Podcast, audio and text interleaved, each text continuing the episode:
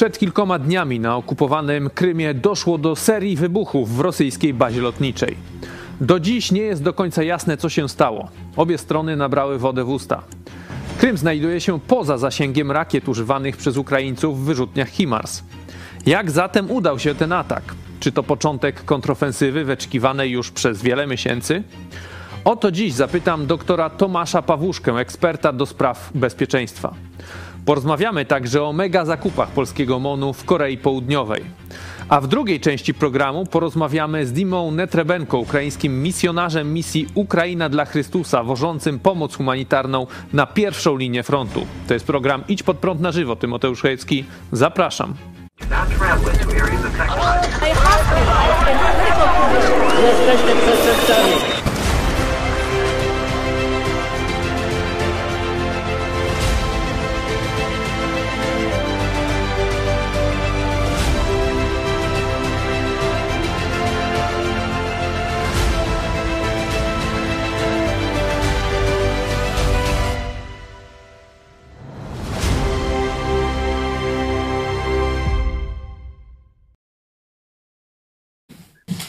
Witam Państwa bardzo serdecznie. Z nami na łączach dr Tomasz Pawłuszko, ekspert do spraw bezpieczeństwa Uniwersytet Opolski i Instytut Sobieskiego. Witamy Pana doktora bardzo serdecznie. Dzień dobry Państwu.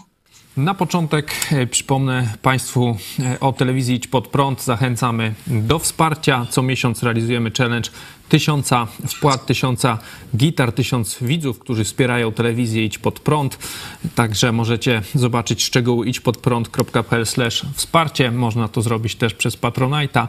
Na e, tej stronie, której podałem, znajdziecie szczegóły. Także jeszcze raz bardzo Was prosimy o wsparcie naszej telewizji, a my e, przechodzimy do programu. Jeszcze e, zachęcamy też do sprawdzania subskrypcji, dania łapki na YouTubie. Panie doktorze, we wtorek 9 e, sierpnia doszło do tego ataku, wybuchu, do końca nie wiadomo, tych eksplozji na Krymie, tak w rosyjskiej bazie. Podobno ucierpiały tam i magazyny amunicyjne, i E, i kilkanaście samolotów. Obie strony nabrały wodę w usta. Tak jak mówiłem we wstępie, Ukraińcy zamieścili taki prześmiewczy trochę wpis, e, że tam e, należy uważać z paleniem chyba papierosów czy z ogniem w ogóle przy materiałach wybuchowych. Rosjanie też nie bardzo to komentują. No, jest to powyżej 70 km od linii frontu, czyli te standardowe rakiety w tych wyrzutniach HIMARS to nie mogły być one, jak pan doktor myśli, no bo są różne spekulacje, czy służby specjalne, partyzanci,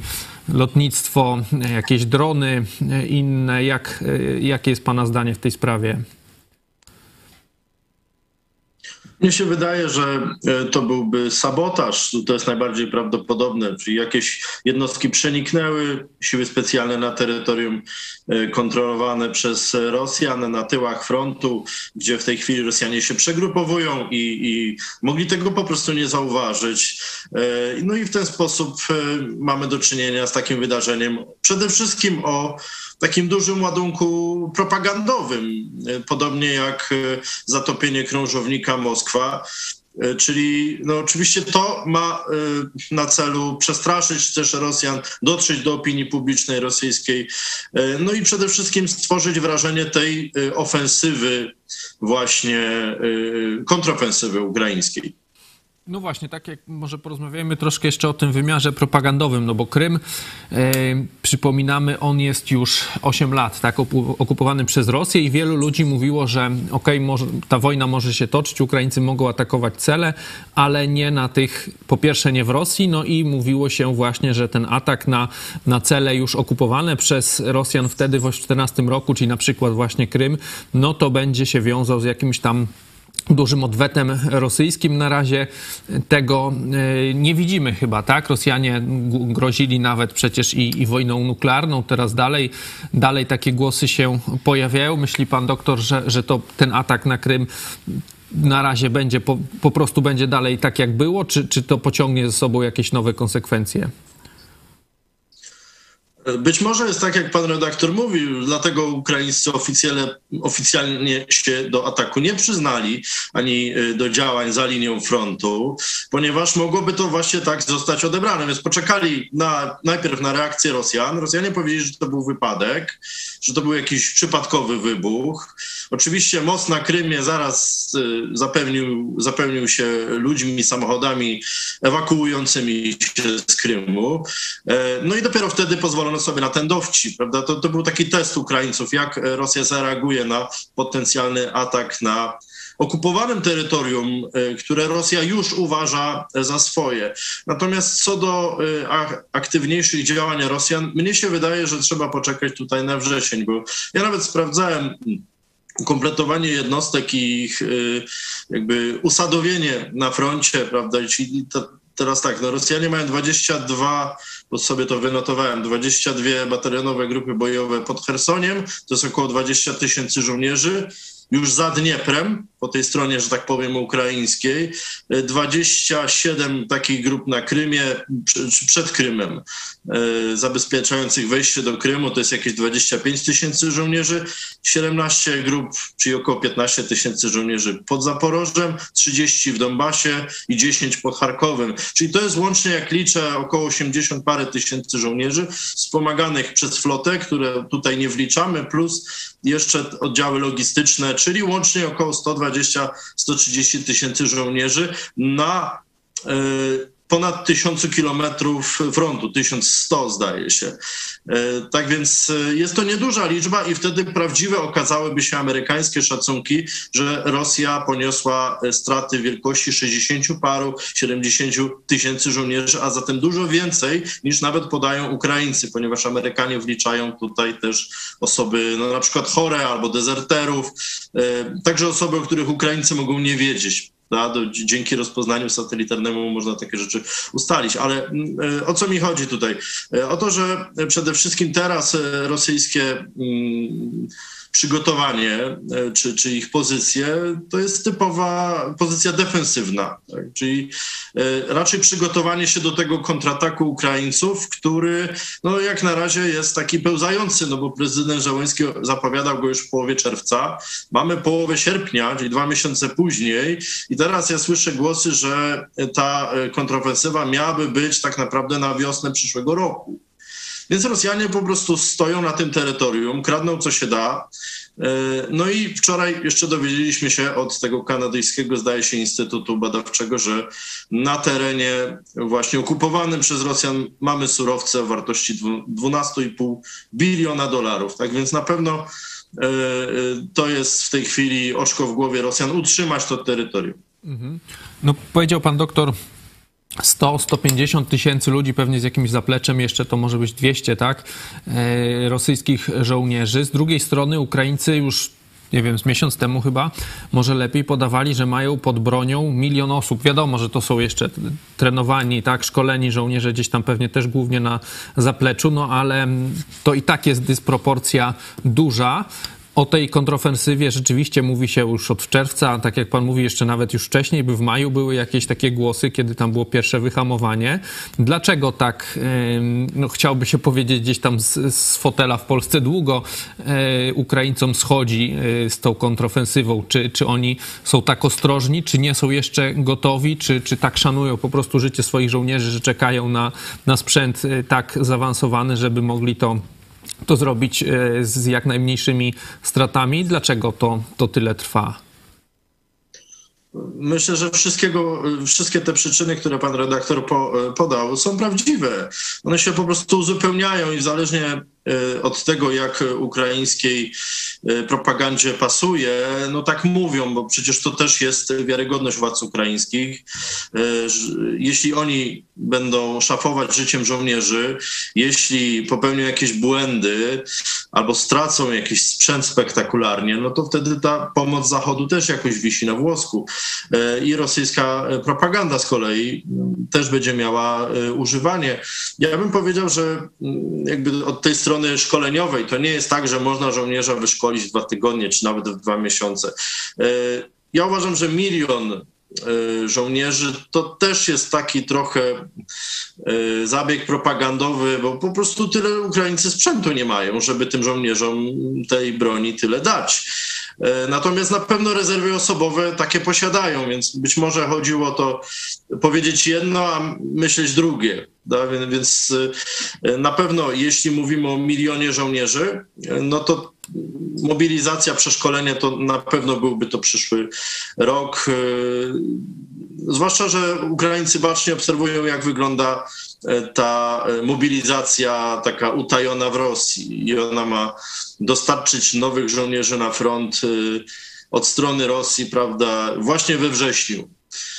No i tu się okaże, kto blefował tak naprawdę. Czy Rosjanie naprawdę zgromadzą nowe siły, uzupełnią swoje straty, czy też Ukraińcy będą w stanie ich wyprzeć samą masą wojska. No, na teraz to, co się Ukraińcom udało, to jest zatrzymać ten, częściowo ten ogień artyleryjski dzięki wyrzutniom HIMARS, czyli niszcząc właśnie rosyjskie składy amunicji, składy pocisków, obozowiska, miejsca dowodzenia. Tak więc Rosjanie musieli się wycofać, trochę spowolnić ostrzał, zmniejszyć liczbę żołnierzy do tego zaangażowanych, zmieniać pozycję, a to też wpłynęło na to, że no, ich ofensywa po prostu jest wolniejsza. Myślę, że Rosjanie w tej chwili nie są zdolni do ofensywy takiej, jaką jaką prowadzili na przykład w Siewierodoniecku. W tym momencie oni raczej są na pozycjach obronnych i ci żołnierze, no, o których tutaj wspomniałem, raczej będą się teraz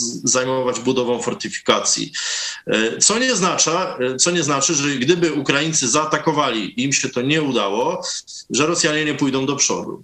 Bo tak naprawdę do Odessy i Mikołajowa zostało im niewiele, i wtedy Rosja znalazłaby się nad Dunajem, kontrolowałaby Dunaj, ujście Dunaju, a stamtąd do Mołdawii jest 50 kilometrów. Z tego co ja pamiętam, w tym milionie to tam nie byli tylko żołnierze, oni tam twierdzili tam chyba policjantów ze 100 tysięcy, jeszcze Straż Graniczna, ale tak czy siak ogromna liczba. Panie doktorze, no powiedział pan o tej niedużej liczbie Rosjan, no ale wiemy właśnie, zresztą to o czym pan mówił, ta ich ofensywa Siewierodonieck, tamten e, potem w okolice tego Bachmutu, no to im się udało. Czy e, stanęło w miejscu, czy, czy, też, czy te, te, te Himarsy wpłynęły na to, że, że Rosjanie przestali już dalej e, przeć, że już nie mają takich e, sił na tak, tak po prostu mielenie tą artylerią, tak, tak duży ostrzał? To był ten, ten czynnik, który zmienił sytuację? Na pewno jeden z kilku, no bo tutaj no, trudno polegać na jednym czynniku, czyli z jednej strony szczupłość sił własnych, po drugie część jednostek z Donbasu została właśnie przerzuconych pod Hersoń i na Krym. I dlatego tak dużo wojska, stosunkowo najwięcej mają Rosjanie właśnie między Melitopolem a Hersoniem, czyli zależnie od tego, czy Ukraińcy uderzą od strony Zaporoża, czy od strony Hersonia, tamte posiłki zostaną skierowane, więc jakby myślę, że po prostu ekonomia sił tutaj zadziałała. Z drugiej strony, tak jak pan redaktor powiedział, no, Ukraińcy mieli w Donbasie wreszcie czym odpowiedzieć na te ostrzały artyleryjskie i Rosjanie też stracili sporo żołnierzy.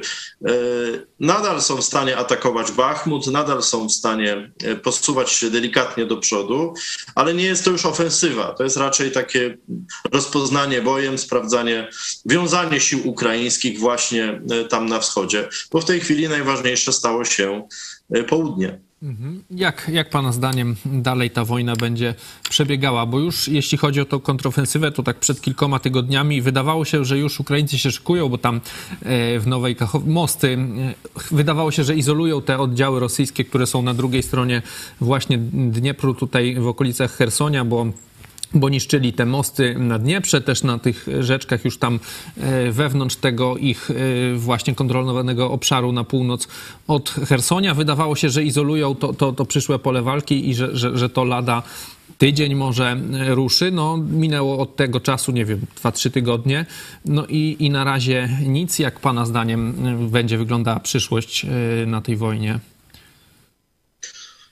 No tak naprawdę dalej mamy taką wojnę pozycyjną. Y, bardzo dużym wydarzeniem byłoby odbicie Hersonia, bo tak naprawdę to by zmusiło y, Rosjan do wycofania się za Dniepr. Bo to jest główne miasto tak naprawdę i, i już po tej stronie, y, nazwijmy to ukraińskiej, kontrolowanej przez w większości przez Ukraińców stronie Dniepru. Więc to by było taka to by był taki główny symboliczny moment y, tej operacji i podejrzewam, że wtedy mm, linia frontu właśnie by się na Dnieprze zatrzymała i Ukraińcy próbowaliby otworzyć nowy front gdzieś właśnie w Zaporożu, y, dojść y, do Morza Azowskiego, do Mariupola z powrotem i tak dalej. Natomiast jeśli to w tej chwili wygląda w ten sposób, czyli taka dalej wojna pozycyjna, no to na tym zyskują Rosjanie, bo oni się po prostu okopują, przygotowują, dowożą na Krym e, posiłki e, i te oczywiście amunicje, mają nadal flotę czarnomorską, tak więc ten czynnik przewagi rosyjskiej, znaczy, że bardzo wąskie jest to przejście właśnie między Chersoniem a Dnieprem. No i tam Rosjanie upatrują swoje szanse, że kontratak ukraiński, tak zapowiadany hucznie, po prostu się rozsypie. E, Ukraińcy stracą morale i wtedy Rosjanie pójdą do przodu, zajmą Mikołajów. I, i myślę, że to, na, w ten sposób kalkulują, tak? czyli że, że Ukraińcy y, będą się śpieszyć, popełnią jakieś błędy no bo Ukraińcy parę już takich błędów popełnili, że no, głosili jakiś sukces, prawda, potem musieli to jakoś y, przykryć czymś, e, no w taki sposób, że za dużo powiedzieli, albo powiedzieli coś, y, czego potem nie mogli zrobić, y, no i trzeba było to jakoś odwołać. Bo... Może pan doktor podać jakiś przykład takiej sytuacji? Bo to myślę też będzie ciekawe dla naszych widzów, bo o tym się rzadko mówi. To znaczy, nawet ten największy przykład, czyli pokazanie, że Ukraińcy sobie radzą, pokonują Rosjan na froncie, ale jednocześnie tydzień później albo dwa zaczęło się e, dramatyczne nawoływanie o dostawy broni, że nagle nie mamy broni, nagle nie mamy czym walczyć. I nagle liderzy zachodni byli zdziwieni. No jak to? No przecież już prawie ich pokonaliście, mówi, mówi się, że jest świetnie, że wypieracie Rosjan, ale no nagle okazuje się, że co, że nie macie amunicji, że potrzebujecie czołgów, e, wszystkiego. I jakby to, ta sprzeczność e, no, tak naprawdę nam pokazała, także, że część oczywiście tych tez jest na użytek taki propagandowy, bo Rosjanie jednak są przygotowani do wojny długofalowej, a inne kraje funkcjonujące na co dzień w pokoju, nie planujące nikogo najechać, no nie są przygotowane do tego typu konfliktu, do którego Rosja się przygotowywała wiele lat. Czy Ukraińcy i tak się w miarę przygotowywali, dzięki czemu udało im się odeprzeć tą ofensywę na północy. Ale no mimo wszystko, prawda, no, ta propaganda sukcesu, że bronimy Zachodu, ale dwa tygodnie później nagle potrzebujemy sprzętu, bo nie mamy się czym bronić. Nagle była zmiana narracji po to, żeby właśnie liderzy zachodni no nie zostali uśpieni tymi sukcesami, o których tak skutecznie e, Ukraińcy informowali na początku.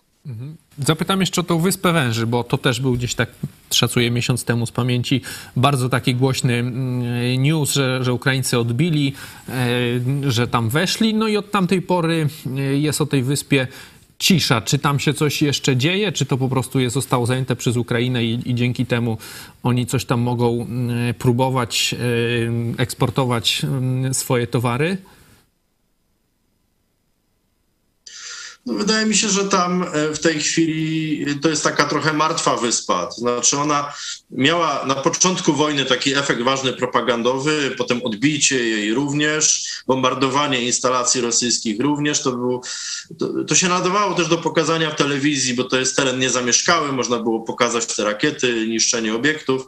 Natomiast teraz jest to taki, no, przy tych potencjałach, o których mówimy, przy tych terytoriach, o których mówimy, to jest dosyć mała e, rzecz. E, więc jeśli tam się nic specjalnego nie dzieje, to po prostu tego nie pokazują. Zresztą jakby Ukraińcy pokazali teraz, że coś wybudowali e, na Wyspie Węży, to zaraz Rosjanie w ramach tutaj przeciwdziałania ukraińskiej propagandzie, by to zbombardowali i zniszczyli. Tak więc dla samej Wyspy Węży oznacza to, że ona straciła takie znaczenie propagandowe i strategiczne, bo ważniejsze przez pewien czas okazały się właśnie te ustalenia dotyczące eksportu zbóż z Odessy i od wtedy ten temat Wyspy Węży troszeczkę przycichł. To zapytam jeszcze na koniec tego ukraińskiego wątku o, ten, o tą groźbę nuklearną, tak? bo co jakiś czas Rosjanie ostrzeliwują e, tą elektrownię w Zaporożu. To chyba nawet było w, e, w tym tygodniu też coś, e, coś takiego, też te groźby nuklearne. Jak pan doktor myśli, na ile to jest realne? Na przykład Aleksander Ścios mówił, że no w końcu oni użyją tej broni małej, broni nuklearnej i na to nic nie zrobi, że to będzie taki kolejny, jak, jakim nie będzie szło Rosjanom, a widzimy, że nie idzie, no to w końcu po to sięgną. Myśli pan doktor, że to jest realny scenariusz? No, rozmawialiśmy chyba jeszcze przed wakacjami, że, że, że to jest realne. Ja nadal podtrzymuję to stanowisko, ponieważ, tak jak pan redaktor powiedział, to jest efekt taki mrożący, na który Zachód nie może odpowiedzieć. Ukraina nie może odpowiedzieć e, i tak naprawdę e, Rosja wtedy ma silniejsze karty przy stole. E, bo czego by liderzy zachodni nie mówili o moralności, o ludności cywilnej, o ochronie życia, i tych wszystkich właśnie takich propokojowych wypowiedzi, no to użycie broni nuklearnej tak naprawdę pokaże, że Zachód nie może zareagować, może tylko prosić. E, tak więc e, użycie takiej broni nawet nie w sensie bojowym, tylko propagandowym, że nawet nastąpił jakiś ostrzał, ale no nie kierowany w stronę jednostek ukraińskich, tylko gdzieś w pole, e, tak kolokwialnie mówiąc, to na pewno byłoby bardzo mocno odebrane na Zachodzie, w NATO i to by też mogło doprowadzić do załamania morale e, Ukraińców. Tak więc Rosjanie czekają z tym asem w rękawie e, i mogą go wykorzystać, zwłaszcza, że pokazali w czasie tej wojny, że żadne reguły i formalne, ani tym bardziej zwyczajowe ich nie obchodzą. Myśli pan doktor, że na to nie odpowiedziałoby jakoś, że nie wiem, że to by to, to by nie spotkało się z, z, reakcją jakoś agresywną, nie wiem, bombardowaniem Rosji, coś takim? Czy tylko słowa by były potępiające? no to na pewno, no co na to może zrobić? Na to może wpłynąć jakimś okretem nuklearnym albo latać bombowcami z bronią nuklearną gdzieś nad Morzem Bałtyckim, ewentualnie rozszerzyć nuclear sharing na Rumunię, czyli że Rumunia czy mm, Polska na przykład byłyby hostami dla broni nuklearnej natowskiej, amerykańskiej, czy, czy też francuskiej, brytyjskiej, ale takie coś też wymaga miesięcy przygotowań, nie jest ogłaszane ad hoc. Tak więc znów byłby to raczej taki ruch na szachownicy, aniżeli coś, coś realnego. Być może wtedy Amerykanie dostarczyliby po prostu Ukraińcom więcej broni typu HIMARS. No i tyle. Tak, tak więc no, Zachód tutaj nie może odpowiedzieć. Może zwiększyć presję e, w Arktyce czy, czy w innych regionach, gdzie Rosja ma również siły, ale nie sądzę, żeby doszło do jakiegokolwiek konfliktu między Rosją a NATO. Panie doktorze, przejdźmy może do tych bardziej polskich y, wątków. CNN nagrało materiał y, o polskich armatochobicach Krab. Ukraińcy zachwycają się nimi, wskazują na, na, ich wysoką celność, na ten polski system kierowania ogniem. Topaz, że dobrze działa, że bardzo szybko mogą po strzale zmieniać, zmieniać lokacje, co jest też dla nich, jeśli chodzi o, o ten ogień kontrbateryjny, E, bardzo ważne, jeśli chodzi o bezpieczeństwo tych załóg. Jak e, z Pana perspektywy wygląda polskie uzbrojenie e, tam na Ukrainie? Były też wcześniej filmiki, gdzie Ukraińcy tam porównywali te czołgi w Polsce, T-72, M1 chyba ta wersja, te modernizowane w Polsce. Tam ten żołnierz ukraiński mówił, że to są Mercedesy w porównaniu z tymi, które oni wcześniej używali. Też teraz te czołgi twarde też trafiły na Ukrainę. Jak ten sprzęt się spisuje na Ukrainie? Czy Ukraińcy konsekwentnie nie publikują zdjęć z działań bojowych po to, żeby nie zidentyfikować tych jednostek, a już tym bardziej nie dokumentują zniszczeń. No chyba, że mieliśmy taki filmik w internecie jednego zniszczonego kraba, no ale to mm, załoga ukraińska po prostu wysadziła go w powietrze, e, według mojej wiedzy. Po tym, jak najechał na jakąś minę i nie było możliwości ewakuacji tego wozu. No, wóz krab sprawdza się, czegoś e, świadectwem e, jest dodatkowy już komercyjny zakup e, tych wozów w Stalowej Woli przez Ukraińców, co oznacza, że jest to największy kontrakt w historii polskiej zbrojeniówki. Czyli łącznie tych krabów na froncie będzie około 70 i jest to sprzęt zaawansowany technologicznie. E, jest to sprzęt, e, który my produkujemy i rzeczywiście jest to sprzęt markowy. Problem polega na tym, że krab jest tak naprawdę składakiem. Znaczy jest e, wozem złożonym z komponentów z kilkunastu państw. W związku z tym produkcja długofalowa kraba opiera się też na współpracy polskiej z kilkunastoma państwami. Gosienicy z Niemiec, podwozie z Korei, wieża brytyjska, armata jeszcze jakaś tam, prawda? Mieliśmy w historii taki system przeciwlotniczy LOARA, który właśnie z tego powodu nie został wprowadzony do użytku, ponieważ miał chyba komponenty z 17 państw. I program wtedy kosztował pół miliarda złotych, to było jakoś w pierwszej dekadzie i program zarzucono, pomimo że sprzęt okazał się bardzo dobry. No i wydaje się, że ta cała awantura teraz wokół krabów, że sprawdzają się, a jednak polski rząd planuje zastąpić być może kraby w przyszłości innym sprzętem, E, no, to zyskuje właśnie na ostrości, tak. No właśnie, porozmawiajmy chwilę o tych zakupach, bo polski MON ogłaszał już, bo to, to, falami podpisał już e, takie te pierwsze umowy ramowe, no, na mega zakupy w, w Korei Południowej. My tam mamy zakupić prawie tysiąc czołgów, tak? Tych K2, 180 chyba mamy ich kupić, jak to się mówi, z taśmy, tak? Potem 800 ma być w Polsce już wyprodukowanych e, w tej polskiej wersji. Te, te samoloty szkolno-bojowe F-50 to też było, jest dosyć mocno krytykowane. No i te e, armato haubice K9, tak? One mają być też kupione najpierw e, chyba 48 sztuk, żeby mm, właśnie te, te koreańskie, wyprodukowane w Korei, e, a potem mają być znowu, ma, ma, być ta produkcja w Polsce, ma być jakaś tam wersja K9PL, potem jakaś kolejna, to e, MON się broni właśnie mówiąc, że, że, że Huta Stalowa Wola będzie produkowała i tak na pełnych obrotach e, kraby, najpierw dla Ukraińców przez parę lat, potem jeszcze dla Polski, no i oni muszą w międzyczasie e, uzupełnić e, te, te luki po przekazaniu broni Ukrainie, no i chcą zwiększać polskie wojsko, dlatego też muszą z Korei kupować. No, z drugiej strony Bartłomiej Zając, prezes e, Huty Stalowa Wola, napisał na Twitterze, poddaje się, następny będzie Borsuk, czyli wskazał, że, że też ten polski BWP może też e, słabo skończyć, podał się do dymisji. Jaka jest Pana ocena tych wielkich zakupów największych tak, w historii, może i nawet w Europie zakupów tysiąc czołgów, tam nie wiem, 700 chyba tych armatochaubic, to, to, są, to są ogromne liczby. Jaka jest Pana ocena takich zakupów przez MON w Korei?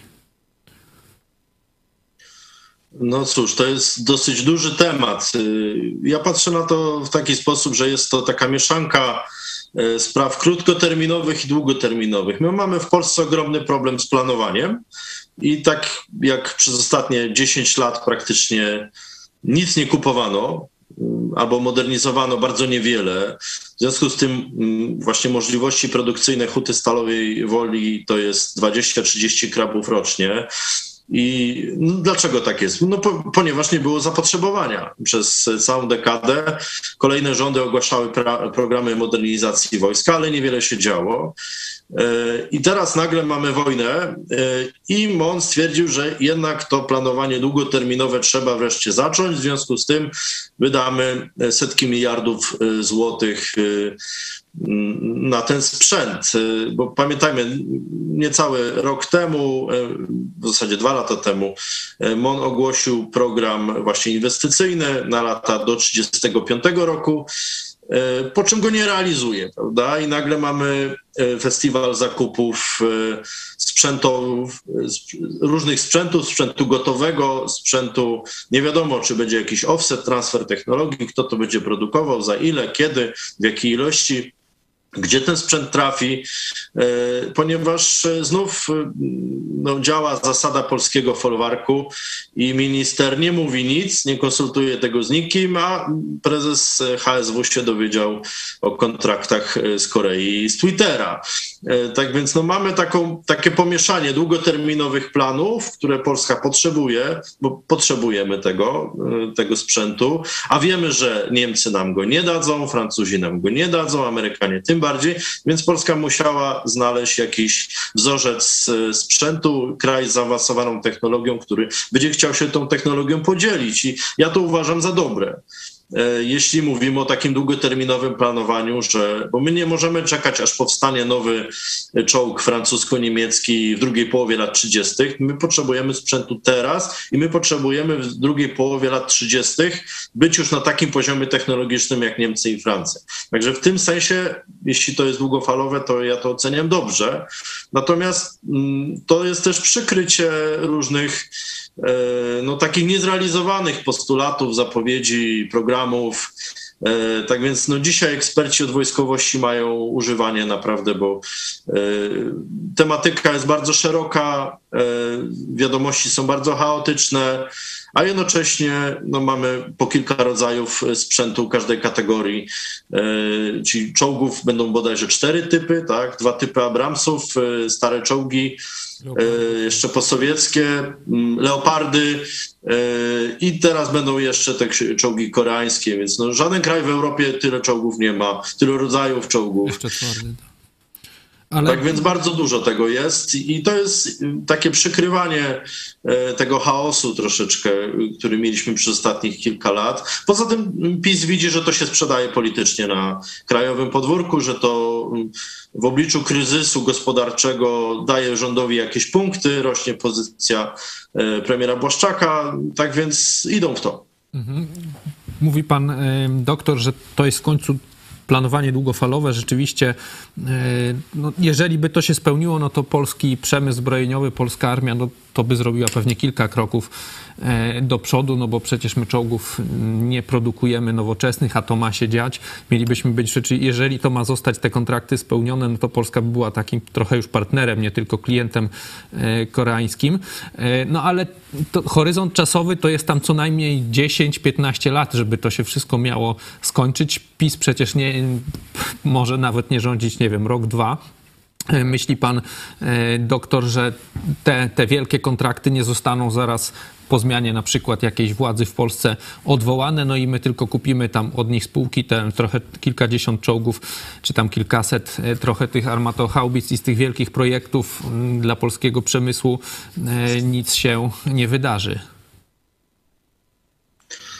No cóż, no jak obserwuję wypowiedzi polityków opozycji, którzy się zajmują bezpieczeństwem, czyli powiedzmy minister Sikorski, czy Siemoniak, czy, czy Klich, to oni jakoś e, szczególnie się negatywnie o tym nie wypowiadają. Oczywiście krytykują brak procedur, e, takie trochę chcieństwo, zakupy spółki, brak rzetelnej informacji publicznej, no bo od tego opozycja jest e, i dobrze, że to podkreśla. Natomiast czy oni byliby w stanie mm, anulować tego typu kontrakt na tysiąc pojazdów, tak jak e, PiS anulował kontrakt e, na śmigłowce Karakal?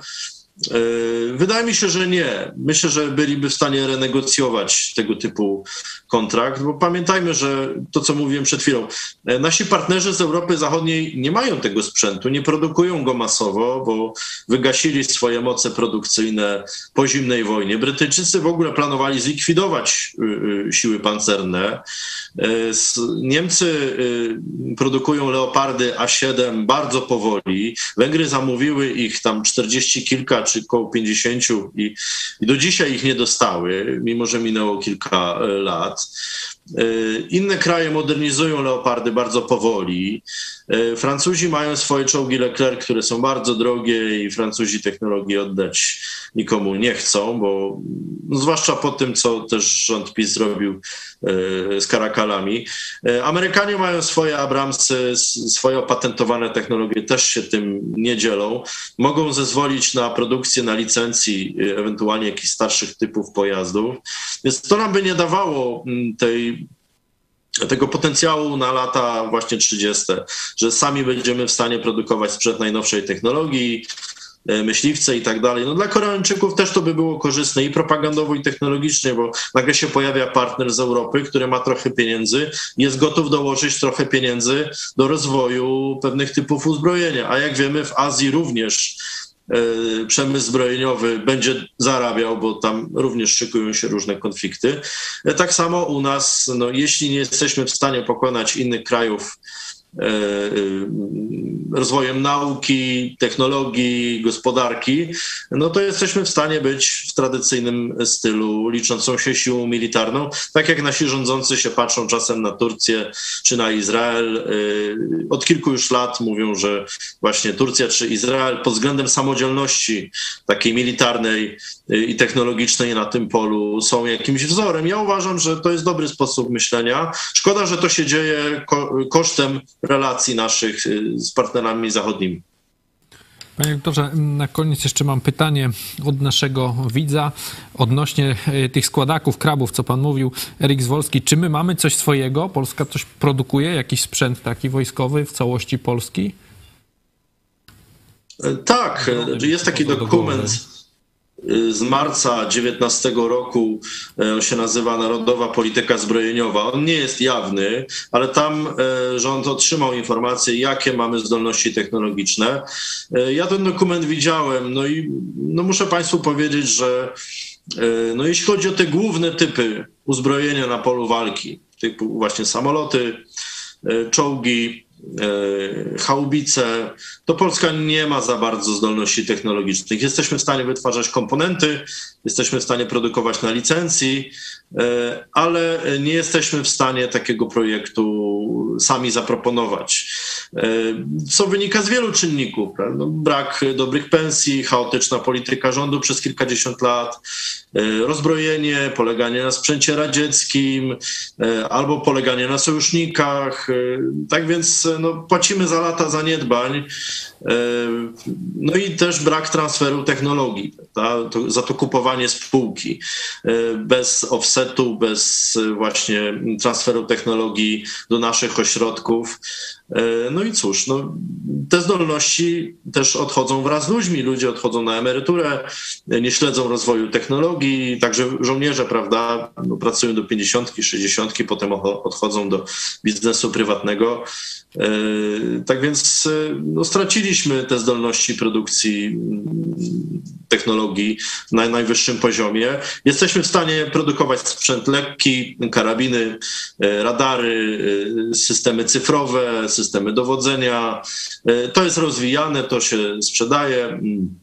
Teraz udało nam się zmontować e, kraba e, i to też w miarę się udaje. Udało nam się przez wiele lat produkować transporter Patria, zwany Rosomakiem. Tak więc zdolności przemysł posiada, natomiast uważam, że przez tych kilkanaście lat, mówiąc kolokwialnie, pogoniono wielu inżynierów do sektora prywatnego, bo w sektorze zbrojeniowym po prostu nie mogli się rozwijać. Mhm.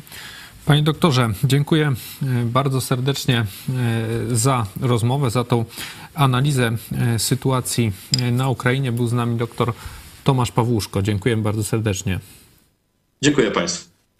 Teraz przechodzimy do drugiej części dzisiejszego odcinka. Zapraszam Państwa na rozmowę z naszym ukraińskim gościem. On pokaże też bardzo ciekawe ukraińskie trofeum, ale o tym już za chwilę.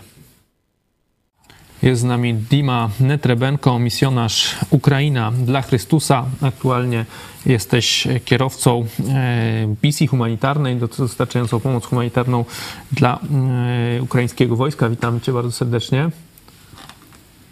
Hello. We have uh, Dima Netrebenko, the, the missionary and uh, volunteer in Ukraine for Christ. Uh, welcome. Hi. Dima, Hi, e, everybody. Powiedz nam, jak z Twojej perspektywy teraz wygląda sytuacja na Ukrainie? Uh, tell us how the uh, situation in Ukraine looks like from your perspective. We continue. Um, we continue fight with uh, the second army of world, and in some uh, direction we we win. Uh, some uh, villages we uh, lose and continue fight. Uh, but we have a really nice uh, Cossack spirit, really brave uh, character. And special last news about uh, Crimea, from Crimea uh, and from south of Ukraine encourage many, many people. Y, Cały czas walczymy w niektórych, na niektórych kierunkach. y, Wygrywamy, niektóre wioski z kolei niestety przegrywamy i oddajemy, ale cały czas jest ten kozacki duch odwagi i szczególnie te ostatnie wieści z Krymu podniosły morale. Mhm. Powiedziałeś o kozackim duchu. Właśnie drugie pytanie o morale. Jak z Twojej perspektywy wygląda morale żołnierzy ukraińskich, cywilów? You said about the Cossack spirit. How do you see the morale of the Ukrainian soldiers now? About Ukrainian soldiers, it's uh, we continue have a, I can say before uh, Cossack spirit, and I talk with many many soldiers, and I saw this uh, from many people, and especially for encourage myself from people who have uh, some injuries, uh, who uh, have uh, some problem with health, uh, but he still continue believe and fight uh, for his health to come back to the east of Ukraine and continue fight. And today, my uh, the best friend uh, after uh, four surgery injuries, he today he come back to the east of Ukraine to the battlefield. E, Wśród żołnierzy, tak jak mówiłem, jest ten e, duch e, kozacki i co szczególnie e, zachęca mnie, to ci ludzie, którzy zostali e, ranni, a cały czas e, walczą, starają się wyzdrowieć, żeby być, żeby móc wrócić na front do walki. E, Mój najlepszy przyjaciel e, po kilka razy zraniony właśnie teraz e, mógł wyjść e, ze szpitala. about civilian people. A couple days ago, uh, for one or two days, I come to Kiev, and I saw how like many many people come back now to Kiev. Uh, so restaurant, coffee shop, uh, not every every but open, and work. Uh, so uh, city really faster. Uh, re- bridges, um, road, um, uh, some buildings.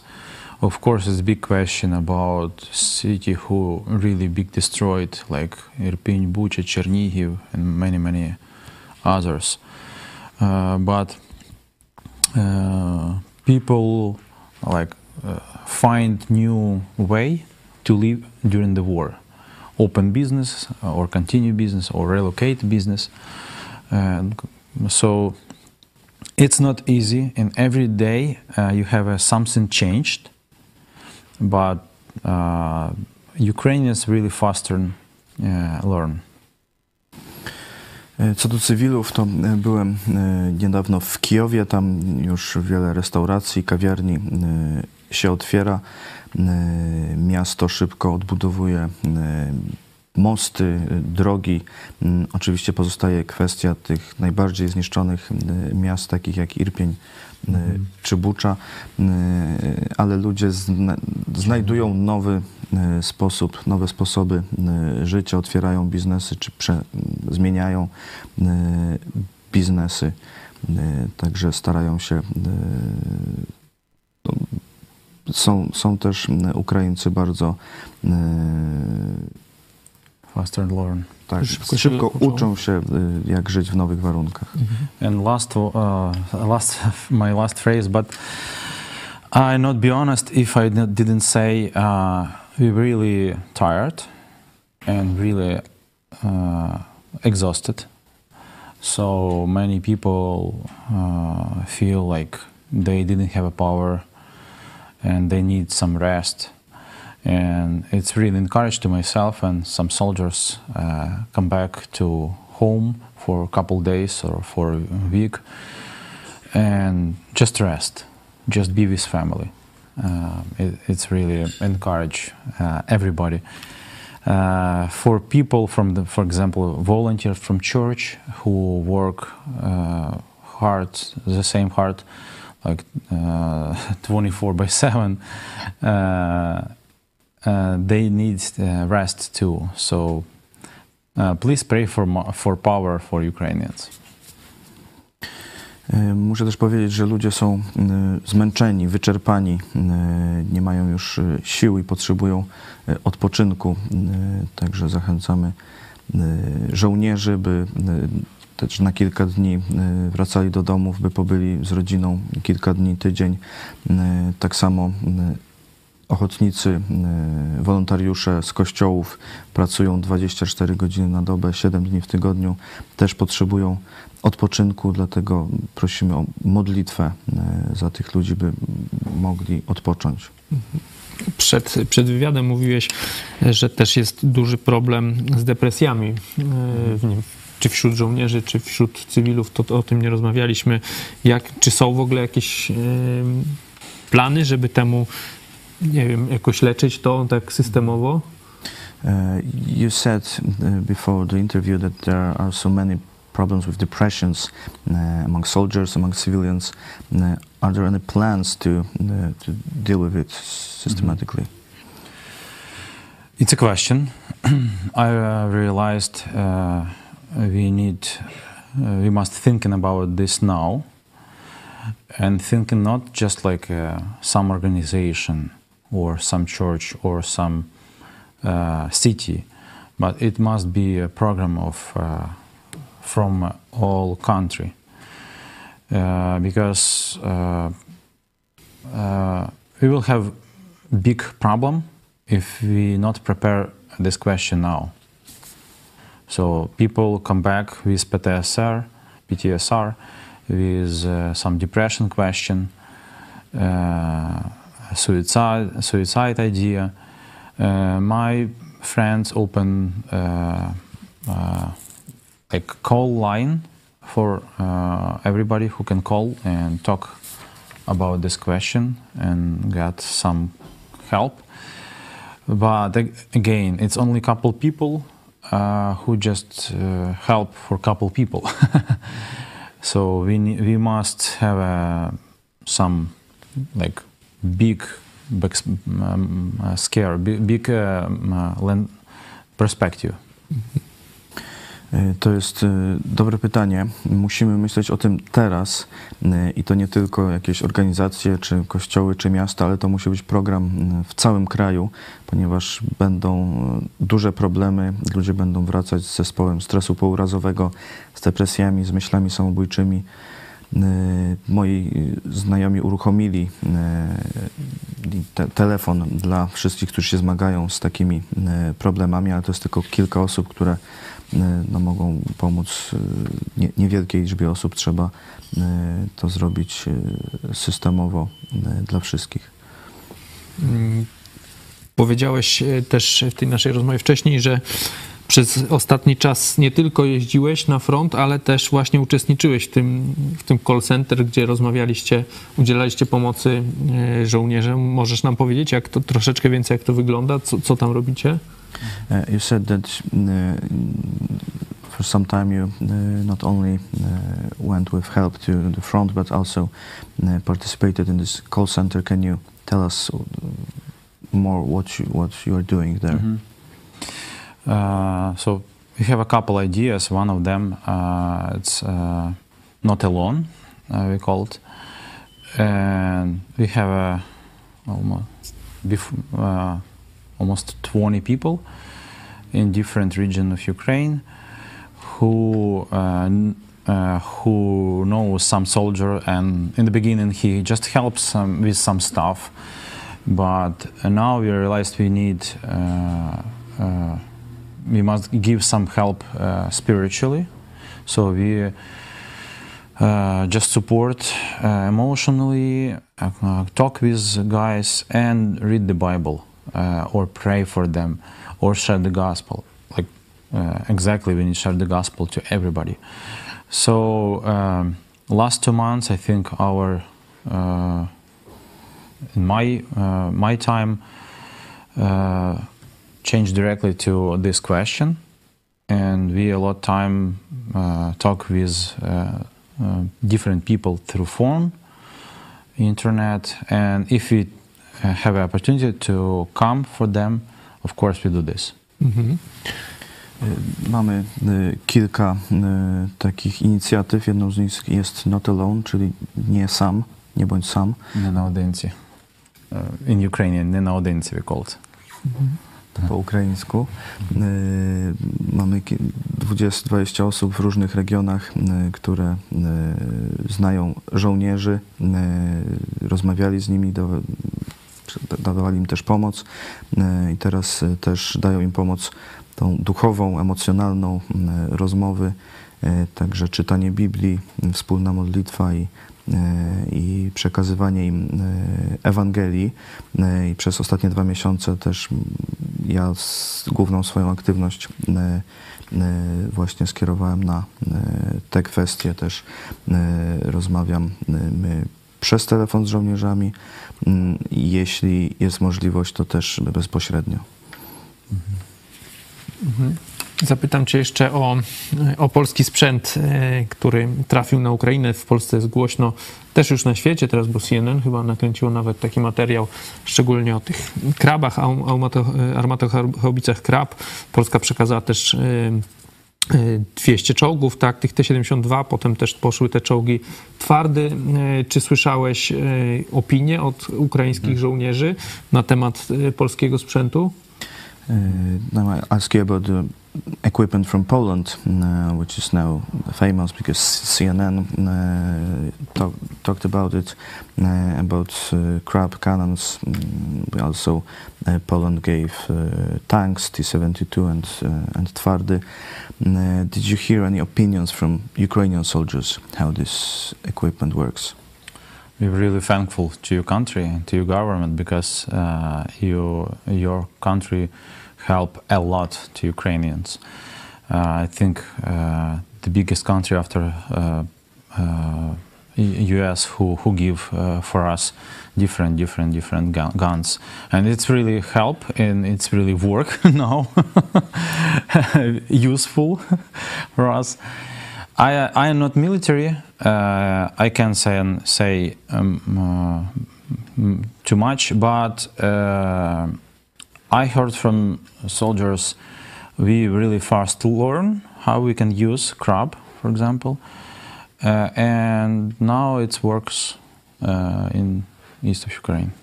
Dobrze są wykorzystywane po to, do czego... A, jeszcze przepraszam, tłumaczenie. Jesteśmy bardzo wdzięczni naszemu krajowi. Wy pomagacie bardzo, bardzo dużo. To jest największa pomoc chyba po Stanach Zjednoczonych e, i jest bardzo e, użyteczna. Ja nie jestem żołnierzem, ale słyszałem od żołnierzy, że e, bardzo szybko mogli się nauczyć obsługi na przykład krabów i teraz są dobrze wykorzystywane na wschodzie Ukrainy. Są wykorzystywane po co? Po to, dlaczego zostały stworzone, także bardzo nas to cieszy. Przyniosłeś ze sobą do studia batonik. Powiedz nam, yy, dlaczego go przyniosłeś, co to jest za batonik? Uh, so we have a trophy. We got a lot of trophy from Russia uh, army. Uh, I know about one group of tanks who uh, uh, only from Russian tanks who use now in Ukraine. So this is one more trophy. Interesting. This is Krasny uh, Krasny Oktyabr, so a red October. Uh, and it, very interesting. Uh, they called we produce uh, in the Moscow here. Uh, I, I, don't, I don't know if do you see or not in the Moscow. But what really interesting, uh, this candy produced in Germany, and uh, delivery to uh, they, they must be delivery to Russia. Uh, but company who produce this uh, and of course put lie for this candy says we we, we can't continue work with you so uh, we says our pro, uh, our uh, many like trucks who who we must deliver to you not ready or not useful uh, so our volunteers says okay we uh, take this Russia candy like humanitarian help to Ukraine and deliver it to Ukraine. So this candy, uh, it's a sign how Russia tried to um, uh, run uh, across of Dominant. sanction and produce candy uh, in Germany, but put name this is Moscow. E, Także to jest taki e, batonik e, zdobyczny. Wiele rzeczy zdobywamy na Rosjanach. Jest nawet cały oddział złożony z czołgów zdobytych rosyjskich. A to jest batonik czerwony październik. E, Jest na nim napisane, że producent jest w Moskwie, m, ale tak naprawdę jest produkowany w Niemczech i dostarczany e, do Rosji. Oni umieszczają to kłamstwo na tym batoniku, na opakowaniu, no bo nie mogą niby produkować dla Rosji, dlatego no, piszą, że niby jest produkowany w Moskwie i to jest sposób na omijanie przez Rosję sankcji. Tima, dziękuję Ci bardzo serdecznie za rozmowę. Będziemy się oczywiście modlić. Zachęcamy Was e, wszystkich do modlitwy za Ukrainę, e, za Dimę też, który e, pomaga za Twoją organizację. Dziękujemy Ci bardzo za to, co All robisz. team. Czołem. Thank you. Thank you very much. Thank you very much. Dziękuję bardzo. Dziękujemy. Dziękuję.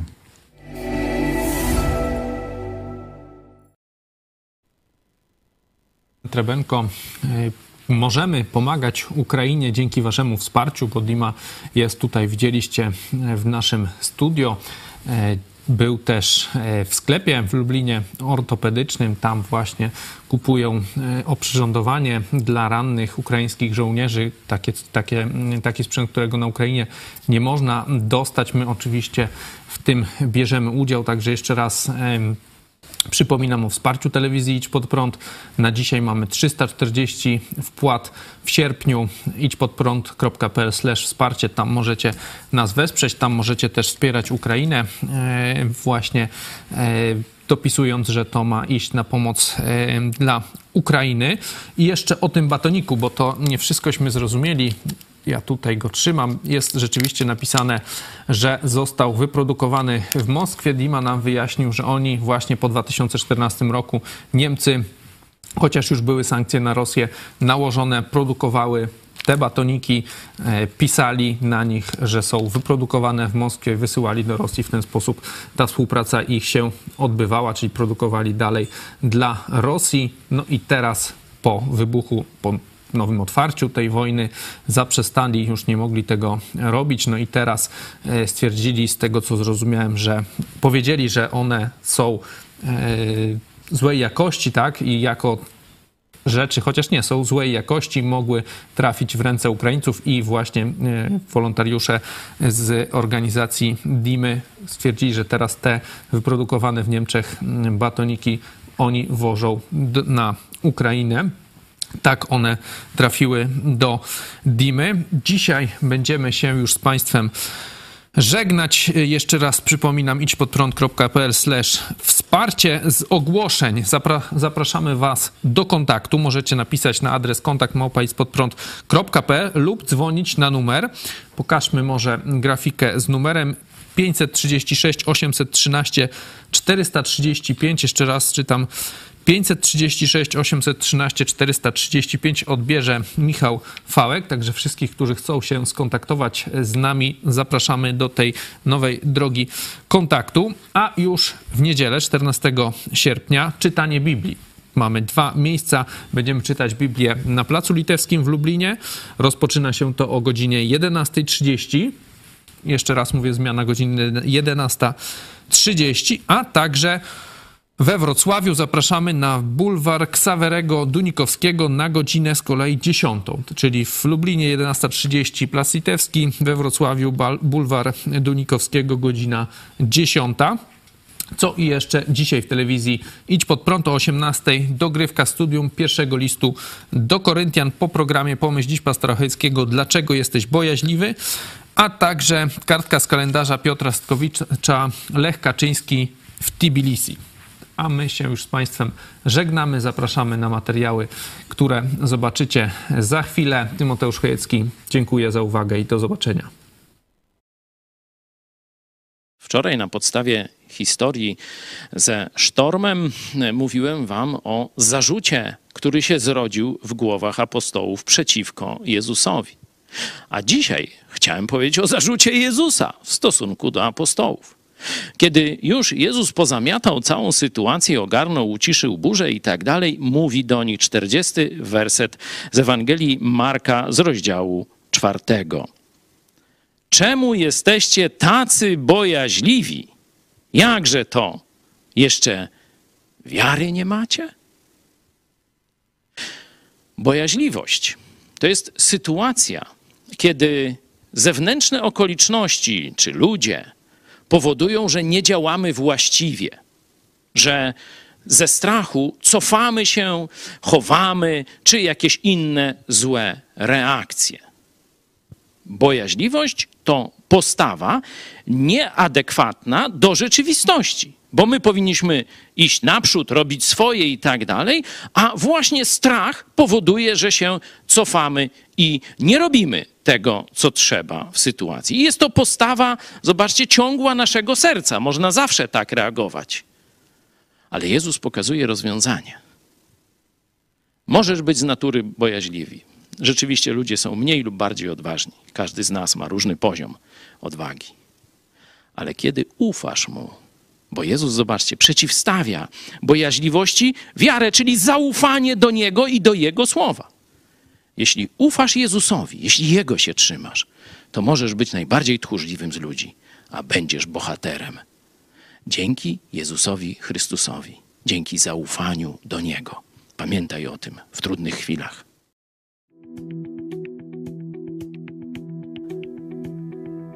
12 sierpnia 2008 roku do Tbilisi przyleciał prezydent Rzeczpospolitej Polskiej Lech Kaczyński. Po drodze na pokład prezydenckiego samolotu wziął prezydenta Litwy Waldasa Adamkusa, prezydenta Łotwy Tomasa Hendrika Ilvesa, premiera Łotwy Iwarsa Godmanisa i prezydenta Ukrainy Wiktora Juszczenkę. Od pięciu dni na terenie Gruzji wojska Federacji Rosyjskiej prowadziły działania wojenne nazywane przez prezydenta Rosji Dmitrija Miedwiediewa operacją zmuszania do pokoju. Rosja wmieszała się w trwający od 1989 roku konflikt pomiędzy Gruzinami a Osetyńczykami, kiedy Gruzja była republiką sowiecką, na jej terenie istniał autonomiczny obwód osetyjski. Gdy Związek Sowiecki zaczął się rozpadać, Osetyjcy mieszkający w Gruzji dążyli do przyłączenia Osetii Południowej do Osetii Północnej wchodzącej w skład Rosyjskiej Federacji. Utworzyli Republikę Osetii Południowej, która była uznawana jedynie przez Rosję.